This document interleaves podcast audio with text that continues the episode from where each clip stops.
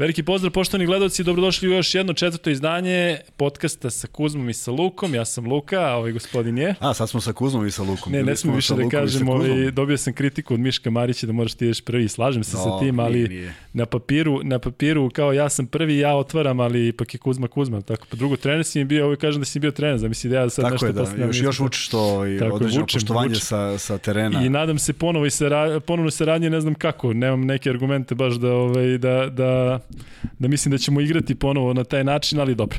E, Kuzma, kako si? Ajde prvo tebe da pitam. Lud dan, već nekoliko u stvari, mnogo obaveza, mnogo nekih stresnih situacija, ali evo, e, moment za košarku e, i da pričamo o nekim lepim stvarima u svom ovom ludilo od vremena, što manje gledamo vesti i čitamo novine, valjda smo nekako i srećni, a ovo su emisije koje bi trebalo malo da privuku ljude da pogledaju da se podsete nečega, čak neki ne da se podsete, nego da čuju nešto možda i po prvi put, s obzirom da je puno vremena prošlo. I eto, vraćam se na prethodnog gosta, na Miška Marića. Nadam se da smo nekome uh, otvorili malo oči da može da klikne još par puta na njegovo ime na, na, na Wikipediji da vidi neke stvari koje do tada nije uh, video. Da, upravo si stvarno stresnih situacija ima na pretek, ali moram ti priznati ovo, bare meni iz našeg ugla, nadam se da tu energiju prenosimo i na gledalce.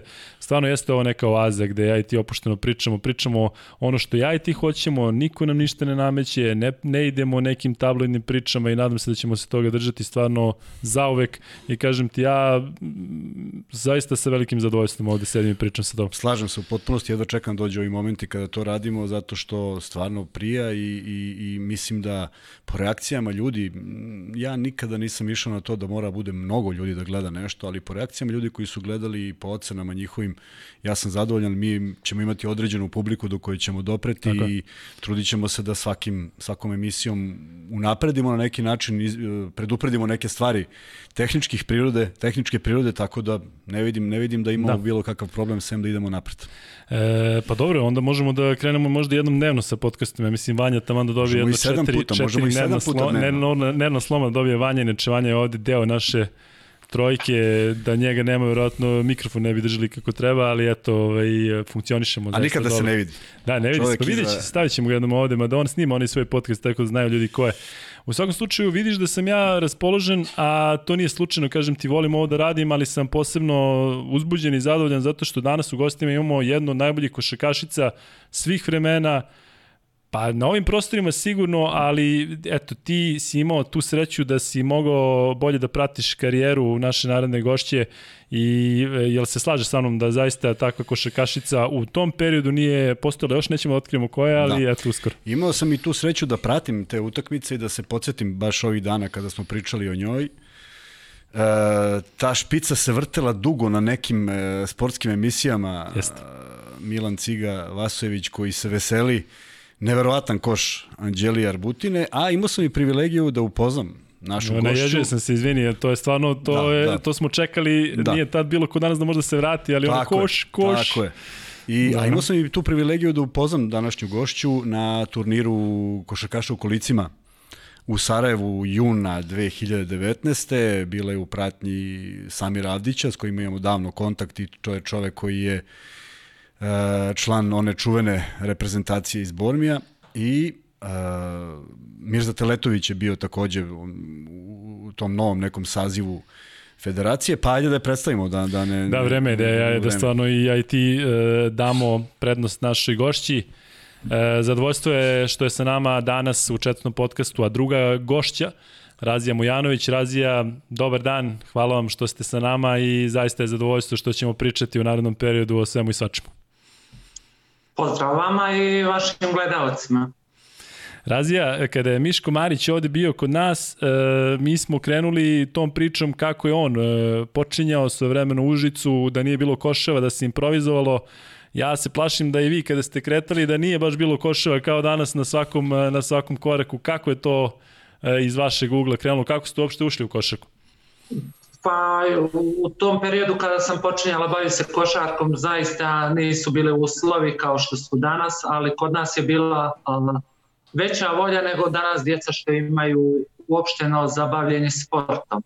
Pa ja sam počela u osnovnoj školi, ono fizičko vaspitanje, tako da ono, svi su se nekako sportovi radili, međutim s obzirom na moju visinu to je bilo predodređeno da se više posvetim košaci, tako da je nastavnik fizičkog vaspitanja.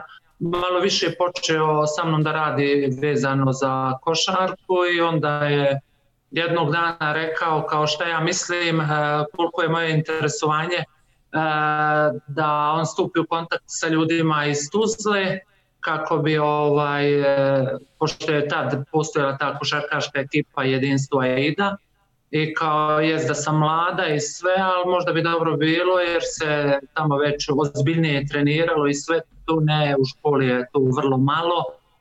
I tako da iz tih kontakata mog nastavnika sa ljudima iz e, kluba oni su došli jednog dana u moje mjesto e, gdje sam išla u školu, to je Čelić, jedno manje mjesto kod, između Brčkog i Tuzle i tako na jedan razgovor i naravno da vide sa mojim roditeljima kako bi to bilo da ja nastavim školovanje u Tuzli u osnovnu školu. To je bila sam sedmi razred osnovne škole i kao da pređem tamo i naravno da se ozbiljnije počnem baviti košarkom. Jer znate kako u to vrijeme mislim daleke 82 mnogi roditelji e, žensko dijete baš i nisu puštali od kuće, međutim, hvala Bogu da su moji roditelji, roditelji imali razumijevanja i onda su rekli kao u svakom slučaju po završetku i osnovne škole ja bi trebala ići u neki grad e, da nastavim e, školovanje, tako da je to u suštini dobro došlo i da počnem igrati košarku i nastavak mog školovanja. Razija, imam jedno pitanje, zato što sam video četiri različite informacije koliko ste visoki. Od 200 cm ide do 203 cm. Šta je prava istina? To je vjerojatno negdje između 201 i 202. Prava istina je 202, pa baš sad nekim, nekim da se zedim kaže ovaj, da li si se šta smanjila? Rekao, vjerujte da što se smanjila, ni povećala nisam. Koliko sam bila 202, mislim na nekim preglede, kad odem baš da se izmjerim iste sam visine. Odlično, znači sad barem znamo koliko ste visoki. A složit ćete se nekada je, mislim isto tako smo pričali sa mnogim ljudima i ovako privatno i opet kažem kada je Miško bio tu, ali nekada je taj period u osnovnoj školi stvarno bio ajde da kažem tako bitan e, kada se pokažete hoću da kažem da su se i u osnovnoj školi igrala takmičenja i da je u osnovnoj školi postojali su timovi, u osnovnoj i srednjoj školi ozbiljni timovi, da je to potpuno drugačiji sistem nego danas kada postoje klubovi, kada postoje škole košarke i svega. Kuzma, ti to znaš bolje, tako? Da, škola je bila nešto gde si mogao da pokažeš svoj talent i prestiž je bio biti u ekipi škole u bilo kom sportu, da li je to futbol ili košarka. Razija je potpuno u pravu, futbol se mnogo više igrao, pa tu i rukomet, dok su košarka i odbojka ipak tek dolazili. Nije bilo mreže za, za igrati odbojku na polju, jel tako, nije bilo ovde ovde uvek postojala neka lopta pa si mogao da i u suštini nema nikakvih pravila, je tako? tako Fudbal je sport bez pravila, može i dva kamena, može i dva ranca. Da, da. Tako da jeste interesantno, pogotovo iz mesta iz kojeg Razija dolazi, ja verujem da je to bilo duplo teže i onda, evo sad mala digresija, ja ne mogu da zamislim kakav je osjećaj kada ipak znate iz kakvog malog mesta se postigli i došli do jednog trona uh, sportskog, košarkaškog, uh, zaista jedna divna, mora da, da je divna priča i da je divan osjećaj. Tako je, pa idemo redom, Razija. Dakle, kada ste prešli u jedinstvo IDA, vi, koliko je dostupno to na internetu, vi ste dugo bili u toj ekipi, je tako? Vi ste bili član e, jedinstva i u periodu kada ste igrali na olimpijskim igrama u selu, je tako? Nećemo još doći do toga, tu ćemo se posebno zadržati, ali e, osam godina ste proveli u AIDI, je tako? Pa ja kada sam došla u Tuzlu cijelo vrijeme do odlaska u inostranstvo sam provela u Tuzli. Mislim ja sam imala neke ponude, ne znam, u Beogradu, u to vrijeme Partizan je bio prvak Jugoslavije, onda naravno Zagreb, Ljubljana, međutim mene to nije ništa privlačilo, znajući da ja u Tuzli imam jako dobar rad, imala sam odličnog trenera i mislim nikakvi E, specijalne uslovi me nisu zanimali iz drugih klubova, iako mogu reći da u to vrijeme Tuzla je bila siromašan klub i ovaj i bez obzira na sve to e, meni je samo bilo bitno da imam e, dobar rad, kontinuitet u radu i tako neko, neko moje razmišljanje je bilo da jednog dana za bolje uslove, za zaradu novca je jedino odlazak u inostranstvo i naravno to se i dogodilo uh, 90. godina sam otišla vani. Znači srce je bilo u Tuzli, ili tako? U stvari nije moglo drugačije.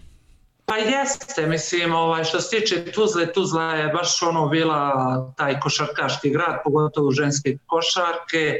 Uh, jako je bila praćena košarka u Tuzli. Naravno, svemu tome su doprinosili naši rezultati od mojih početaka 82. kada sam došla u Tuzlu.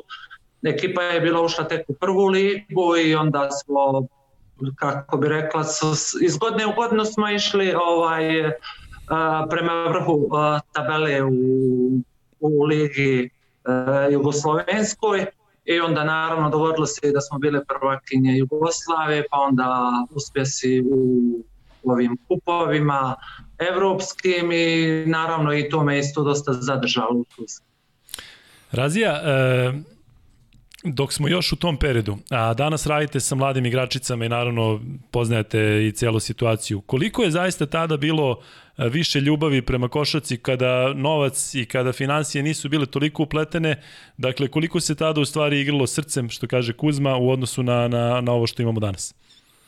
Pa znate šta, tada je upravo to bilo, da prvo postaneš igrač, pa onda naravno neki će uslovi bolje doći, tako smo mi sve razmišljale, kako smo postizale rezultate, otvarale su nam se ta, te mogućnosti za boljom, boljom zaradom, jer zaista u tom periodu nije bilo novca, ni smo nikad razmišljali o nekakvim ugovorima, nego to su bile one stipendije. Međutim, ja sad vidim kod ovih mlađih igrača, to su, tako mogu reći, polovični igrači u odnosu na igrače iz mog perioda koji su bili vrhunski igrači, a uopšte nije se pričalo o novcu, međutim sada djeca, mada ja mislim da su tu više iza te djece stoje roditelji koji sanjaju o kakvim novcima i ciframa i odma svi razmišljaju da je njihovo dijete najbolje, da ovaj da vredi daleko više, međutim mislim da je to pogrešno razmišljanje. Treba biti strpljiv, treba raditi, postizati rezultate i kako ja kažem, novci sami dođu. A koliko vam se čini da je tada struka bila drugačija u odnosu na danas? Tada se tačno znalo ko je trener, gde, u kom regionu, dakle nije bilo danas kao danas milion trenera, dakle danas su svi treneri, ja evo, ja u svom ja. imeniku, evo pa dobro, ali Kuzma je čovjek iz košake, ali ti imaš ljude koji stvarno, šal na stranu, koji nisu imali nikakve kontakte sa košakom, i odjednom su postali treneri, niko ne zna kako. Tako da, jel vam se čini da je tada bilo, e, i što se tiče struke, bolje u odnosu na danas? Drugačije, ajde da kažem. U svakom slučaju sigurno da smo imali stručnije trenere i ti neki vrhunski treneri su uvijek otkrivali neke talente i sugerisali recimo ne znam e, selektor Vasojević on je tačno o, znao u kojim klubovima imaju talentovani igrači i uvijek je postojala ta saradnja između selektora i trenera u klubovima koje igrača treba tako reći isforsirati i ja na osnovu mog iskustva mogu reći ja kao djevojčica od 15 godina bila sam u toj kadeskoj reprezentaciji sa generacijom koje su bile dvije godine starije od mene. Sigurno da to nisu bile moje zasluge po kvalitetu da se ja nalazim u toj reprezentaciji i da putujem e, na evropsko prvenstvo gdje je reprezentacija ta kadeska uzela srebrnu medalju. Međutim, ovaj, e, selektor je tad rekao da sam ja talenat da mi treba pružiti šansu da naravno pripreme reprezentacije dobro dođu i sigurno da i toga nije bilo, sigurno da ti moji uspjesi ne bi bili ovakvi kao što su bili, jer faktički mladom igraču je potreban dobar rad, a naravno koliko si u reprezentaciji, tu su jači trenzi sigurno nego u klubu, onda neke utakmice i, i sve to. Međutim, e, sad jednostavno po klubovima su treneri kojima, sa kojima je vrlo teško razgovarati i skrenuti mu pažnju da nekog igrača treba isforsirati, treba mu više posvetiti pažnje, treba mu pružiti više šanse kad je u pitanju o, o, igra u, u ligi sa klubom, e, jer jedini je to način kako bi igrači postali ono pravi igrači. Jesmo došli do Seula, šta misliš Luka? Ajde, vreme je za Seul, da. Pre, pre Seula samo jedna, jedan, jedan komentar, to smo, ja mislim smo u prvom našem, prvo našoj emisiji spomenuli ovo što Razija priča, nedostatak autoriteta. Uh, jednostavno tim trenerima se verovalo. To su bili ljudski autoriteti, trenerski autoriteti, neko je uživao da sarađuje sa njima. Uh, u današnje vreme svi sve znaju, niko nikoga ne poštuje, e, nažalost odlaze oni koji su donosili taj autoritet, govorimo o profesoru Nikoliću, o Ranku Žeravici, više nisu sa nama i onda sad je otišao i Duda Ivković koji je bio tako neprikosnoveni autoritet. Dakle, sve manje ljudi koji zaista vole košarku i bave se košarkom zbog same košarke. Sve je postalo na neki način E, novac i uh, ja i to mogu da razumem da, da nešto da neko znanje treba da se valorizuje, ali ne po svaku cenu i moraju da postoje načini, mora uvaž, da se uvažava neko ko je napravio toliko, toliko stvari u karijeri. Ali evo da se vratimo Samo na... Samo kratko, izvini, znaš šta mislim oko novca? Da je ranije ovo što Razija kaže, prvo si morao da postaneš igrač. Tako je, da bi uopšte pa došlo. Pa onda da eventualno razmišljaš da te neko pozove, pa znaš da bili restrikcije kako ko može da ide u inostranstvo. A danas, e, pazi, nemoj da me shvatiš da ja sad pravdam, ali bahatost igrača dolazi od toga zato što on zna već sa 17 godina da će sa 18 da uh, verovatno uzme više novca prvim ugovorom njegov, njegov, njegov tadašnji trener za celu karijeru. Motivi su potpuno drugačiji. Tako je. Motivi su potpuno drugačiji. E, u, u to vreme o kojem Razija priča sigurno je bilo da igraš protiv najboljih, da izađeš da, po, da pokažeš koliko si dobar protiv najboljih. Niko nije razmišljao o novcu i u ostalom živeli smo u takvom sistemu gde je nekako bilo postojala srednja klasa, postojalo uređeno društvo koliko toliko i moglo je da se da se da se da se prolazi kroz sport bez nekih velikih para u kojima je redko ko maštao. Ali ajde se vratimo na Seul, pošto kad si rekao ko će nam biti gost, mm E, iz glave, sad ovo mora da mi veruješ, iz glave sam izvukao članice, naravno ne znam ih svih 12, nisam uopšte proveravao, ali osim Razija Mujanović, Danira Nakić, Eleonora Wild, koja je čest gost e, utakmica košarke u kolicima, nažalost pokojna Bojana Milošević, Stojna Vagelovska, Polona Dornik i eto tu se završava neko moje Anđeli Arbutina sa čuvenim košem i tu se završava tih možda 6-7 igračica koje su zbog te špice i tog momenta ostale zauvek urezane I nekako e, moje pitanje za Raziju, e, prvo delovala mi uvek u reprezentaciji kao neko ko okuplja ekipu oko sebe, kao da je jedan onako glavni faktor svih onih dobrih stvari koje se dešavaju. Da li je, da li je zaista ono što mi doživljamo i što želimo da verujemo i ako nije, nemojte da nam kažete, da li je zaista bila ta hemija među vama sa jednim jedinim ciljem da, da, da, da se prođe što dalje, da se uradi što više, da se donese ta medalja koja koliko god je mi priželjkivali, niko nije mogao da je očekuje u onakvoj konkurenciji. Kakvi su vaši, vaša sećanja na taj period i na tu utakmicu koja je završena skokom Razije Mujanović, malo gubljenja lopte do, do polovine, uh, Anđeli Arbutina koja šutira i niko ne vidi da je blokiran šut, uzima svoju loptu i postiže koš u posljednjoj sekundi. Zaista, evo, ja sam danas pogledao taj snimak, morao sam prosto, i da, naježio sam se ja i, i ne, legendarni Milan E, Ciga Vasojević koji, koji ne zna da li je kraj, koji, koji ne zna da li da se raduje i onda jedno veliko radovanje koje smo zaista svi, ti ne znaš jer se nisi rodio.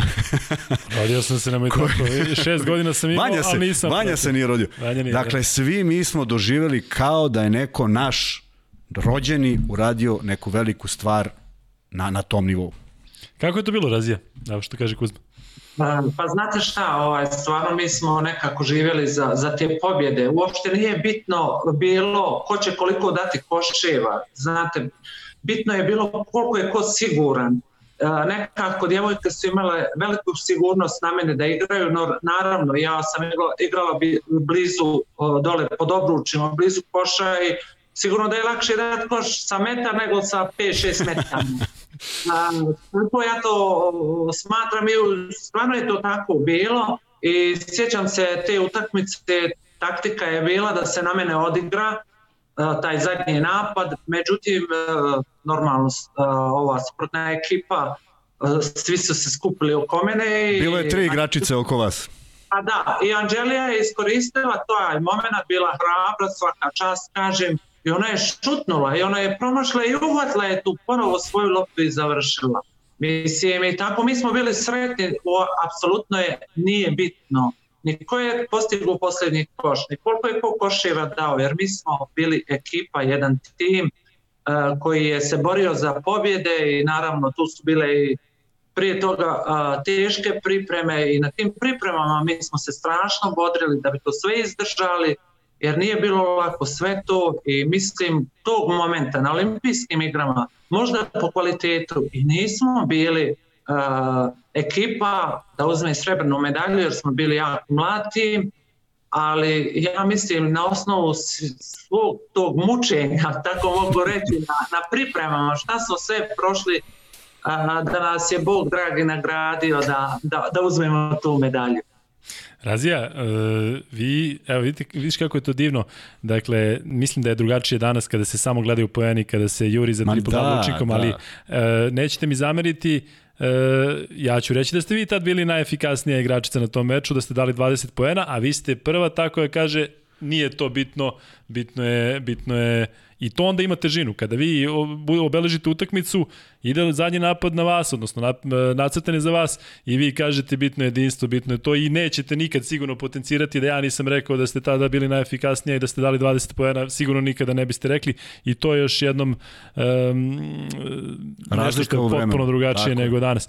Da li ste se nekim, kažite, Znate šta, 20 poena nema nikakvu težinu ako izgubite Naravno pa čak i 40. Ja mislim kada se pobijedi i pogotovo na tim velikim takmičenjima, kada se uzmu medalje, da smo svi dobri, svi smo super, međutim kada se gubi, kad se ne postižu rezultati, onda nema nikakvog efekta, jer to je timski sport, košarka je timski sport i naravno mi svi zavismo jedni od drugih i ta podrška i treninzi i sve to.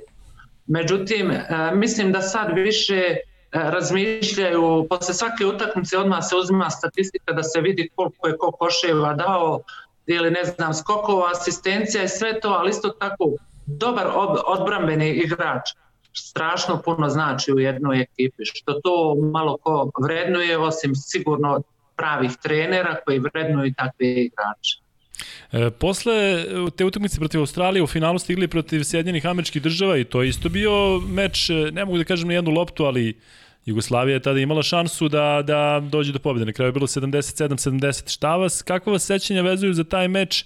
Da li ste tu već malo blokirali zbog poraza? Iako je srebro naravno bilo neverovatan neverovatan uspeh, ali kažem, jako su vas e, mnogi otpisali pre taj meč, nije to bilo potpuno na, na, na stranu samo Amerike. Pa nije, ovaj, ali upravo to kažem, bili smo vjerovatno uh, mlada neiskusna ekipa i u toj utakmici nam je falilo još malo tog iskustva da bi možda na kraju i pobjedili Ameriku, jer znate šta, Amerika je ipak vele sila što se tiče ne samo košarke u svemu, ali mi se nismo nikad predavale, jednostavno uvijek smo davale svoj maksimum i tu nam je u toj utakmici, ja tako mislim, nedostajalo iskustvo. Pogledajte, ja sam tad imala 21 godinu, Danira Nakić 19, Anđelija Arbutina također 21, to, to je jako mlad tim. Sad, e, kad je neko sa 21 godinu i uđe u seniorsku reprezentaciju, da ne igra uopšte, kaže, super mlad. Ja kažem, e, mi sa 21 godinu smo bili glavni igrači, a ne da smo čekali da uđemo u reprezentaciju i to je ogromna razlika. Um, Luka, jel možemo dalje? E, možemo, Šta si ti mislio sad? Pa mislio sam da pređemo kratko da se, da se osvrnemo i na Maleziju na dve godine kasnije na svetsko prvenstvo, to je manje više bila ista ekipa i ponovo je ishod bio isto, isti srebro. Ja ne znam zašto um, nekako ipak olimpijske igre su olimpijske igre, jako je ta medalja na svetskom prvenstvu, ajde da kažem jednako, jednako e, sjajna, ali isto, kažem, veliki uspeh štava sveže sećanjima za Maleziju. Pa znate šta, i u Maleziji je ovaj, bila jako velika konkurencija, ja se dobro sjećam, tad u to vrijeme je Kuba imala strašnu ekipu. I stvarno mi smo otišli... Što danas, da... izvinite, zvuči neverovatno, posebno za kubanke, za košakašice, oni da. beže tamo šakom i kapom, pre neki dan smo radili, prenosili smo kubance, tamo oni koji još igraju, igraju ok, ali to je potpuno drugačiji nivo. Vi ste sa Kubom igrale u polufinalu, je tako?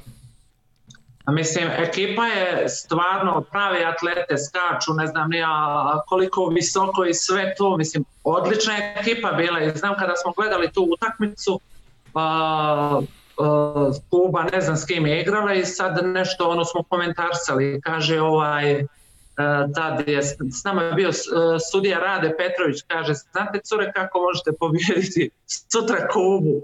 kao ako stavimo golmana na koš.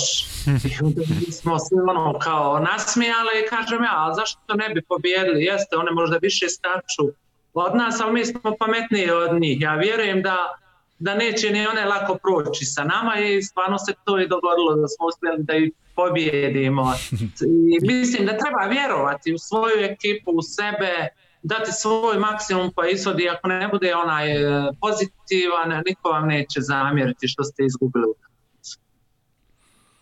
Hoćemo, ti si sada nešto zamislio. E sad, ja, ja sam zamislio od svega ovoga što pričamo i što se mi podsjećamo i čega se razija podsjeća do jednog momenta, malo prelazimo sad iz neke, iz neke uh, fine priče, do momenta uh, kada vi u, u, u, u povratkom u, u Sarajevo i uopšte u Bosnu i Hercegovinu odjednom iz nekih razloga postajete persona non grata u, u federaciji. Kakav je, kak, kakav je osjećaj da, da nešto što ste doneli toliko veliko bez obzira na sve što se dešavalo posle, ali ovo su neki uspesi koji su nas vezivali i dan danas vežu prave ljude, jer eto imao sam prilike sa Samirom Avdićem da pričam kao da se kao da, da, da pričam s čovekom iz tog Bormija koliko su njegova sećanja pozitivna i koliko, koliko teško doživljava sve što se kasnije desilo, ali kakav je osjećaj da biti u kući slavnih, a imati problem u, u svojoj zemlji? Znate, u svemu tome šta je meni bilo žao? Meni je bilo žao što ja jednostavno ne mogu da pomognem uh, košarci ženskoj u Bosni i Hercegovini. Zato što su se bili ljudi ustoličili, tako ja kažem, ljudi koji ma sam ja smetala iz, iz razloga jer su se plašili svoga neznanja, a mog znanja. I samo je u tome bio problem. Međutim, kada je došlo do smjene u Košarkaškom savezu, kada su do, došli ljudi iz svijeta košarke, oni su me tada pozvali da, da budem dio saveza i da preuzmem ovu žensku košarkašku reprezentaciju. Ali istinite ta priča da vam je neko u lice rekao da vi niste potrebni e, ženskoj bo, košarci u Bosni i Hercegovini? Ma znate šta, nije niko u lice, niko se nije ohrabrio direktno da mi kaže. Ali, ali je rečeno, tako? Ali to su one priče, one mahalske priče, to ja tako uh, nazivam. Uh, to, to sam ja čula od nekih ljudi kao da ja nisam potrebna, šta bi ja to tu radila, pošto ja ne želim biti trener zaista, jer trener biti je jako teško, bez obzira na moje znanje i sve što sam prošla, ja mislim da ne bi mogla biti dobar trener iz razloga jer previše je tražila od igrača, isto što su moji trener tražili od mene. Međutim, taj, ta, da mi vrate ti igrači, jer današnje generacije su drugačije, one ne, ne daju sebe 100% kao što smo mi, međutim ja sam uvijek smatrala da na neki način mogu pomoći. Znači, na bilo koji način kada je u pitanju košarka. Međutim, ti ljudi jednostavno, njihovo razmišljanje, jednostavno se plašili. Ja kažem, neki ljudi u Sarajevu iz Košarkaškog saveza bi najviše volili kad bi mogli gumicom izbrisati sve moje one e, rezultate koje sam napravila. Ali nažalost to je ostalo zapisano e, na našim prostorima u Evropi, u svijetu i to ostaje vječno. To je jedino ona, ona neka pravda što niko mi ne može oduzeti moje rezultate. Divno. Da. Jel se slažete da sada skočimo na neke lepe, e, na lepa, neka lepa dešavanja, naravno lagano idemo i ka ovim današnjem vremenu. Recite nam kako je to bio osjećaj kada ste 2017. primljeni u kuću slavnih FIBE i to u fantastičnom društvu, moram reći. Da, pa znate šta, to je ovaj, jako lijep osjećaj, naravno, ovaj, pogotovo kada sam videla te godine da sam ja jedina žena u tom društvu i naravno ovi sa naših prostora sve te e, legende mogu tako reći su takođe bile i naravno da sam se ja fantastično osjećala u društvu uh, takvih velikana i mi smo... Ja se sećate imena? Da li se sećate ko je još bio tu u vašoj generaciji? Bio je Dušan Ivković sa mnom i bio je e, Toni Vuković takođe i, i ja, naravno u to bili su od muškaraca Šak Konil, Jest. ko je, čekajte da se sjetim imena, ali uglavnom... nije, nije važno. Malo li ovo, malo li ovo, da. Znate šta je meni najbitnije? Što smo mi bili Jugoslavija u malom u Ženevi. Tako. To mi Da, je bilo tako. jako, jako, jako bitno i ono, ne znam, sa, sa nekim ljudima s kojima se nisam vidjela dugi niz godina, imali smo priliku da se tamo družimo i da evociramo uspomene iz nekih naših lijepih vremena. Opet sam se naježio, da li je do, da li je do džemper ili do nečega. Razija, a da se vratim samo ponovo još malo unazad, e, pominjete to da ste se prisjećali lepih vremena danas u ovo vreme savremene tehnologije, kada možete zaista da se čujete sa bilo kim, bilo kad i bilo kako. Da li možete da kažete s kim ste u kontaktu, odnosno s kim ste najbliži iz te recimo generacije sa kojom ste bili e, srebrni i na svetskom prvenstvu i na olimpijskim igrama? Ima li kontakata?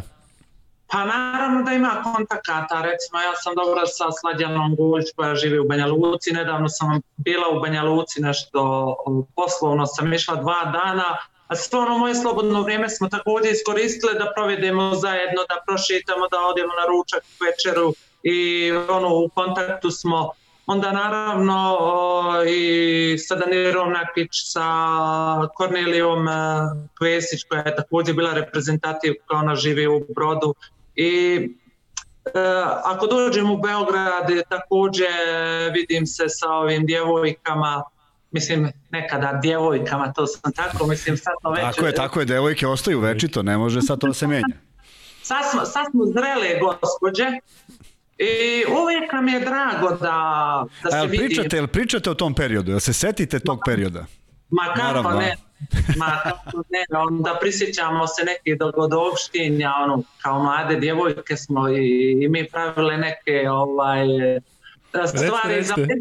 trenerima, što oni nisu znali, ali pazite, kada ste dva mjeseca na pripremama, mislim, e, to je, to je stvarno bilo jako teško, ali nađemo negdje, nađemo nešto da napravimo što će nam biti neki ovaj, izduvni ventil da, da, nam, da sebi olakšamo i tako. Bilo je lijepi stvari, nije to samo teškoća, treninzi i sve to, jer e, tu smo recimo na pripremama. Uvijek smo zna, našli sebi neku zanimaciju kada nije trening, kada je odmor, šta ja znam, dosta smo a, igrali jamba, sa Oliverom Krivokapić i s njom sam u kontaktu, tako da se prisjećamo ti, ti dogodovštinja, najviše se ovaj, prisjećamo šta se dešavalo i mislim to je, to je jako lijepo, to su a, veoma lijepe uspomene i- iz tog perioda što smo mi doživjeli, a ne znam ove sad djevojke baš nemaju, nemaju toliko stila kao što smo mi imali.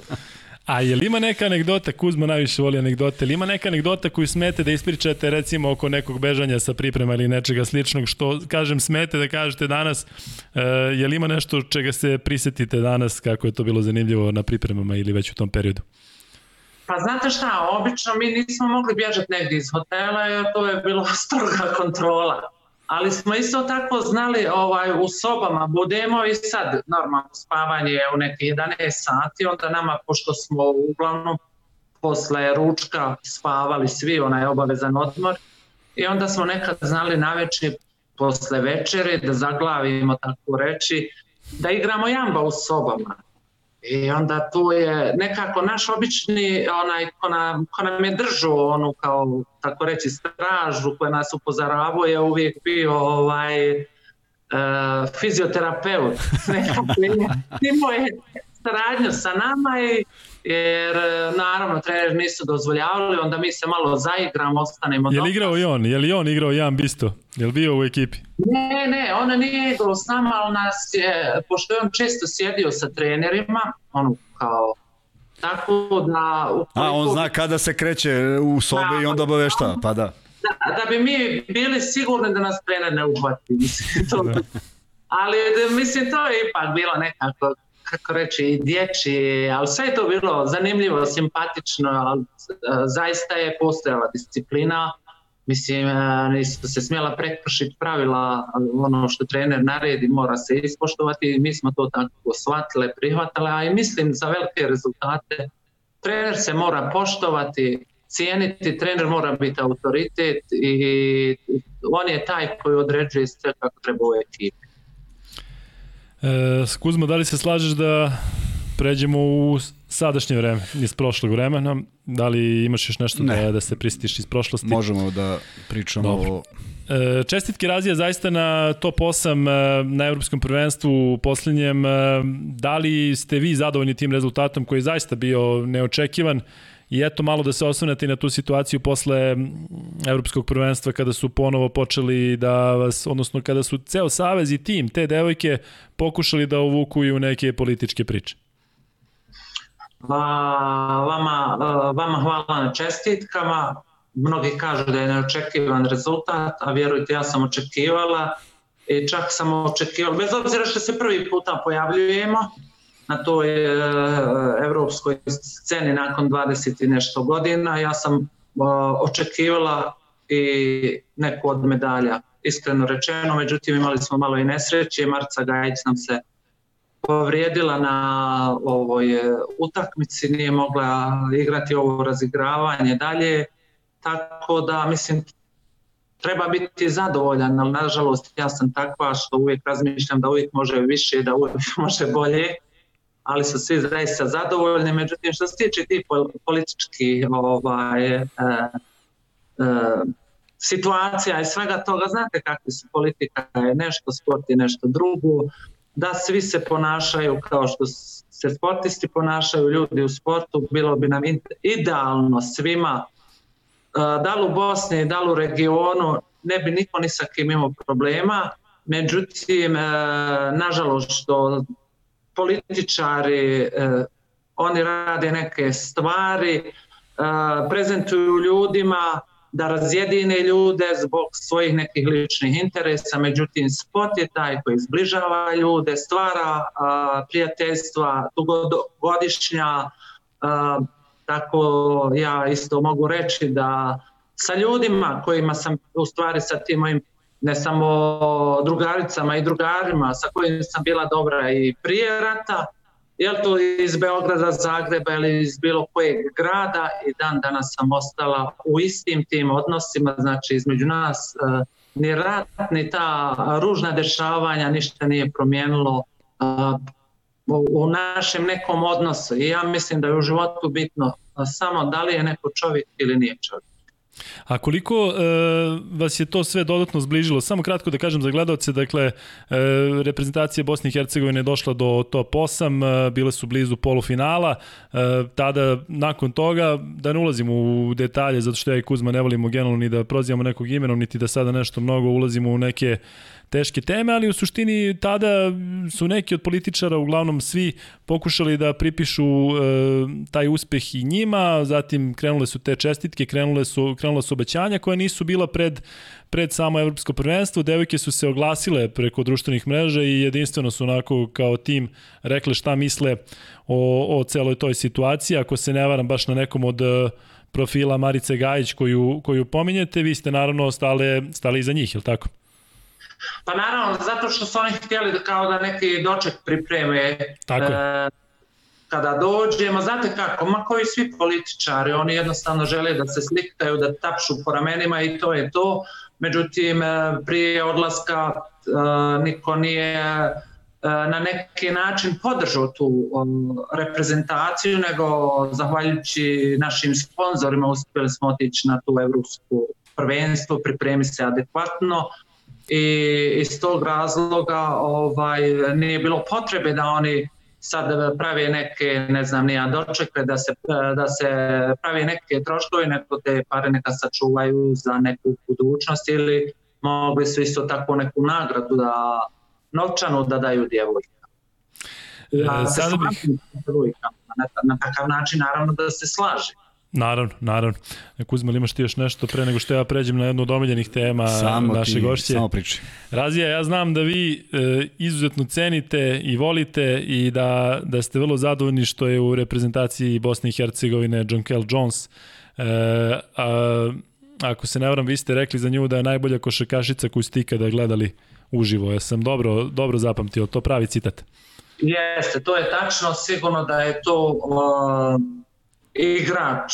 Znači, tokom cijele moje karijere veliki broj igračica sam srela, dobrih, kvalitetnih, ali bolju igračicu ja nisam videla. Eto, vjerovali ili ne. Verujemo, ali Recite. Nije to, nije to subjektivno mišljenje. John Kell Jones je zvanično MVP WNBA lige. Dakle, ona zvanično, ako postoji neki parametar, ona je najbolja igračica na svetu i na papiru, tako? Pa jeste, ali ona, uh, ona to naravno je dokazala svojim igrama i sve to, a ja poznavajući ovdje, kada je sa nama na, na trenzima, na utakmicama, ja vidim koliko ona daje o sebe, sve njene kvalitete sam vidjela i nakon izvjesnog vremena, pošto malo tu se vodi polemika kao ko je bolji igrač, ja ili ona. Ja kažem, to je jedni, jedini igrač kome ću ja pružiti ruku i reći da je bolji od mene. Kako je uopšte došlo do toga da ona dođe u reprezentaciju Bosne i Hercegovine? Zato što znamo koliko je e, ženska košarka teška za devojke koje igraju uporedo i u Evropi i u WNBA ligi, još ako se priključu nekoj reprezentaciji, praktično tokom cele godine ne postoji fizičke pauze za njih. Kako je Jones uopšte došla u, u, u reprezentaciju Bosne i Hercegovine? Pa ona je preko svoga menadžera, naš selektor eh, Goran Luje je eh, preko, jer, jer njihov menadžer je isti, 2017. je John Kell Jones je već eh, ovaj, bila potpisala da će da igra za nas, međutim malo je nešto bio problem FIBA je, nije joj dala sud dokumentaciju da igra 2017. one kvalifikacije, tako da je 2019. već mogla nastupati za nas. Međutim, John Kell Jones ja mogu reći, osim toga što je kvalitetan, tako kvalitetan igrač, najbolji igrač znači, na svijetu, da je vrlo kvalitetna osoba i sa njom je veoma lako sarađivati. Znači, mi nemamo nikakvih problema, odlično se uklop, uklopila u ekipu i ona za nas igra kao da je ovo a, njena zemlja rođenja. Mislim, ona sebe zaista puno daje, to je pokazalo se ljetos kada je ostavila svoj tim u WNBA, a, os, a, napustila a, to takmičenje i došla da igra na evropskom prvenstvu i ponovo se priključila svojoj ekipi. E, evo sad možemo da pređemo lagano i na ono što nas čeka iz prošlosti smo do sadašnjosti prešli na budućnost, osim ako ti Kuzma nemaš nešto. Ne, ja sam uživo, evo cijelili smo uspomene iz nekih mojih tineđerskih dana da. i da. već mi je dobro. E, što se tiče budućnosti, e, Razija vas, e, reprezentaciju Bosne i Hercegovine, tačnije, očekuje sada jedan period priprema, pa onda kvalifikacije za svetsko prvenstvo. Bićete u Osaki i u grupi ste sa Japanom, Belorusijom i Kanadom i tri od četiri reprezentacije idu direktno na košarkaški mundijal. Sa ovakvim timom to ne bi trebalo da, da bude problem, ili tako, iako je Japan izuzetno jak, iako je Kanada posebno u punom sastavu izuzetno ozbiljan tim i Belorusija nije za pocenjivanje, ali naravno cilj se zna, ali tako, svetsko prvenstvo se nakon ovakvog evropskog u neku ruku i podrazumeva. Pa znate šta, nama je najbitnije da nam cijela ekipa bude na okupu, to je da nemam nikakvi problema sa povredama i u ovom sastavu u kojem smo, evo, upravo Marca Gajić se već oporavlja i mislim da će spremna biti za februar i ostale djevojke da budu zdrave i ja mislim da ne bi trebalo biti problema što se tiče kvaliteta naše ekipe da izbori odlazak na ovaj svjetsko prvenstvo. Sigurno da ćemo uh, već u prvoj utakmici tražiti svoje mjesto jer prvo igramo sa Bjelorusijom i sigurno da ćemo dati sve o sebe da tu utakmicu dobijemo, a naravno i Kanada Japan, jako dobra ekipa, ali mi ni u kom slučaju nećemo se predavati da, da, da, da kažemo da su bolji od nas, nego uvijek idemo mi na pobjedu. Razija, što se nas tiče, e, to bi otprilike bilo to. Zaista vam hvala puno na razgovoru i da li evo možemo sada izvanično da se obavežemo da kada se plasirate na svetsko prvenstvo, što vam mi od srca želimo, da ćemo odraditi jednu takođe priču pre to takmičenje i, i da ćemo onda pričati konkretno o protivnicima i o svemu što vas čeka. Da li imamo taj dogovor? Svakako, nema problema. Hvala vama na pozivu. Pozdrav svima, uh, jer znate kako dobar dio života sam provela isto u Beogradu i dan danas mi je drago da dođem tamo da prošetam Beogradom, da evociram uspomene iz moje mladosti. Razija, hvala još jednom što ste hvala bili puno. deo četvrtog podcasta sa Kuzmom i Lukom. Kuzma, ti jesi zadovoljan? Da, e, s tim što bih imao, eto, imali smo dva gosta iz, iz perioda koji se manje pominju, na moju veliku žalost. Dve slične priče o ljudima koji nemaju ne prepoznaju ih ljudi, jel tako? Govorimo o nekim drugim zemljama, jer Miško Marić kada je bio gost, kada smo sve završili, ispričao jednu divnu anegdotu koju nije ispričao u, u, u Etru, kako je samo jednu godinu igrao u Remsu, a kada se ponovo pojavio kod svog prijatelja Save Vučevića, on je to na, na utakmici je napravljen spektakl, njegov dres je iznet i bog zna kako je to izgledalo, samo jednu godinu, dakle ne govorimo o legendarnim momentima kao, kao kapiten Partizana i bilo bi divno da postoje negde e, sve te neke postavke tih bivših igrača, jer to stvarno jesu zaslužili. To je stvarno aha. govorimo o legendama, dakle da, da, nije ovo da, nešto da. što smo ja i ti sad izvukli. Ne, izmislili pa nešto, smo neke, da. Da, govorimo o Tako ljudima je. koji su bili ne idoli, nego su bili stvarno najbolji u periodu kada su igli košarku i znamo da su oni bili mnogima idoli, Tako da kažem, ni ovo sada neki moj tvoj, kao ajde da vidimo koga ćemo da nađemo neki sve, izbor, o ozbiljnim, ozbiljnim legendama. Tako je. I vidiš da postoje svuda isti problemi. Dakle, neki uspeh se ne priznaje bilo gde, jel tako u ovom regionu izgleda da ne smeš da budeš nešto preterano uspešan jer što, što više odeš, što, to te manje nekako uh, ljudi posle i vole i poštuju, ali valjda, valjda je to tako mentalitet na ovom, na ovom području. I druga stvar koja mi, je, ko, koja mi je drago što je Razija spomenula, to je bilo vezano za statistiku, nešto na čemu sam ja odrastao i nikada zaista nisam ovaj, mario uh, A, ja sam imao tu sreću da kao i Razija koja imala svoje trenere koji me očigledno verovala, što je velika poruka a, mladima, tako moraju da veruju trenerima. Sad neko će nastradati, a neko će dobiti pravog trenera, to je u ovom vremenu izuzetno diskutabilno, ali ono što sam ja u svojoj prvoj godini, opet spomenja Marijana Novovića Šilju, čoveka koji me ubacio u prvi tim i samo njemu znanih razloga i ja sam mu na tome večno zahvalan i kada smo pričali, pitao sam ga zbog čega, dao je svoje rezone, ali možda ćemo o tome nekom drugom prilikom, nego se sećam momenta kada sam ja uzeo statistiku, zaista uzeo fizički da bi je preneo, ne da bi uživao u ovim a, brojevima, on je zgužvao, prošao, zgužvao, brat, bacio mi nazad i rekao tačan zbir pogrešnih podataka. I to je zaista za mene ostavilo večiti utisak da je to stvarno tako. Jer uh, kada sam radio u Beobanci i posle u budućnosti kod Darka Rusa, Darko Rus ima šest kolona koje ne postoje u zvaničnoj statistici, zato što je njemu bitno gde si bio u određenom momentu, ne da li si ti stvarno učestvovao u igri, ali tvoj položaj na terenu onemogućava igru protivnika. Dakle, on je sve to gledao na jednom višem nivou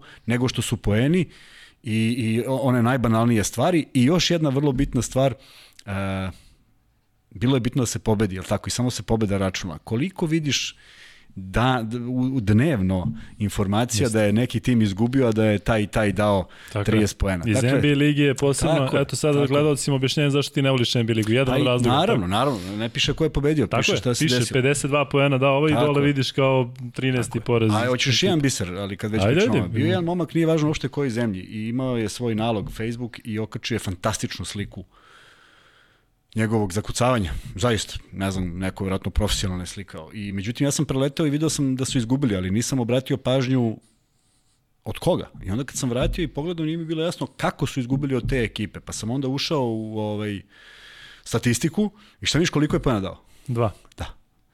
Ali je slika fenomenalna i utisak 150.000 ljudi koji to gledaju da je to bilo ništa nikad bolje, je li tako? Da. Na tome to sve zavarava, zavaravaju sami sebe zato što to nije odraz dešavanja na terenu i voleo bi da budu realni, pa znaš, ima ona jedna statistika, nema u Euroligi, ali ima u Jadranskoj u ABA ligi. Pa ima ono koliko si, kad si na terenu, koliko ti minus. klub ide u minus. Da, e, to bi volao da pričaju više o tome, onda da, da, da pričamo o statistici. Lepo Kuzma, šta da ti kažem, e, slažem se sa tobom, mada moram priznati da je u mojoj generaciji, je verovatno si zato ti postao igrač iz moje generacije 1982. godište, nije skoro niko, e, brojalo se, znaš, ono 2, 5, 7, bacanje brojali, 8. Vidi, brojali smo svi, znači pa, ko to kaže, kažem, da. ima čuvena jednog našeg kojeg ćemo vjerojatno dovesti u goste da ima da li je rekao, to želim da, da demistifikujem, na pitanje koliko je poena postigao, kaže oko 17-ak, znaš, hmm. tako da ovaj, nije ni tačno, nego baš oko toga. I, I svi smo to radili ali e, e, bilo je utakmica da sam davao puno poena, bilo je utakmica da sam, da sam osjećao da sam dao sve od sebe. I uh, u BFC-u smo igrali protiv borca iz Čačka. Bože, kako se prezivao njihov playmaker, nije ni važno. U svakom slučaju, jedna neverovatna utakmica s moje strane gde sam postigao šest poena i imao sedam skokova, sedam asistencija i osam ukradenih lopti. To se meni nikad u životu nije desilo. Ako pričamo o tome, pričamo o jednom stopostotnom mom učinku, da, da. gde sam bio najbrži quadruple double, je li tako? Mislim, Jest. nadrealno zvuči, ali hoću da kažem, sve sam uradio na terenu. Bilo u 40 minuta, nije bio produžetak. 40 minuta, Bukumirović, Bukumirović, odličan igrač je bio, levak, nezgodan, ali prosto tog dana sam apsolutno video sekund pre njega, desetinku pre njega gde će lopta da ide, neverovatno. I hoću da kažem, to su bili momenti kada uživaš u igri. Nekada se da i 28 i 30, ali onda nema ni asistencija jer si mahom trošio lopte, nema ni skokova jer si mahom bio na dobroj poziciji da šutneš. Dakle, zaista biti onaj, onaj čist prema sebi, reći uradio sam sve, a ne samo zadovoljiti se poenima, a naročito ne zadovoljiti se poenima kada ekipa izgubi, jer to mi nikad neće biti jasan koncept. Kuzma, to je to što se tiče ovog podcasta, ali imamo da dodamo još nešto? Nemamo, sem da se zahvalimo još jednom, Raziji na odvojenom vremenu, bilo je ovde malo komplikacija o kojima ne moramo ni da pričamo, ali da, opet sam ja Razija nas je sačekala, ne, no vrlo je važno da je sačekala i da smo imali ovako jedan lep intervju i da ćemo se truditi da u sve poteškoće koje mogu da, da donesu i ova nova vremena da, da, da, i ludilo u kojem, u kojem se nalazimo, da imamo interesantne goste koji pričaju upravo o ovim stvarima, a to je na jedan drugi način posmatranje košarke. Možda sam nostalgičan pa, pa, mi, pa mi prija kad slušam te priče, eh, ali želim da ih i moja deca znaju, želim da sto više ljudi bude upoznato, jer da živimo u nekoj drugoj zemlji, svi bi znali za Raziju Mujanović, svi bi znali za Miška Marića i to ne onako na otprilike, nego bi se o njima pričalo ovako.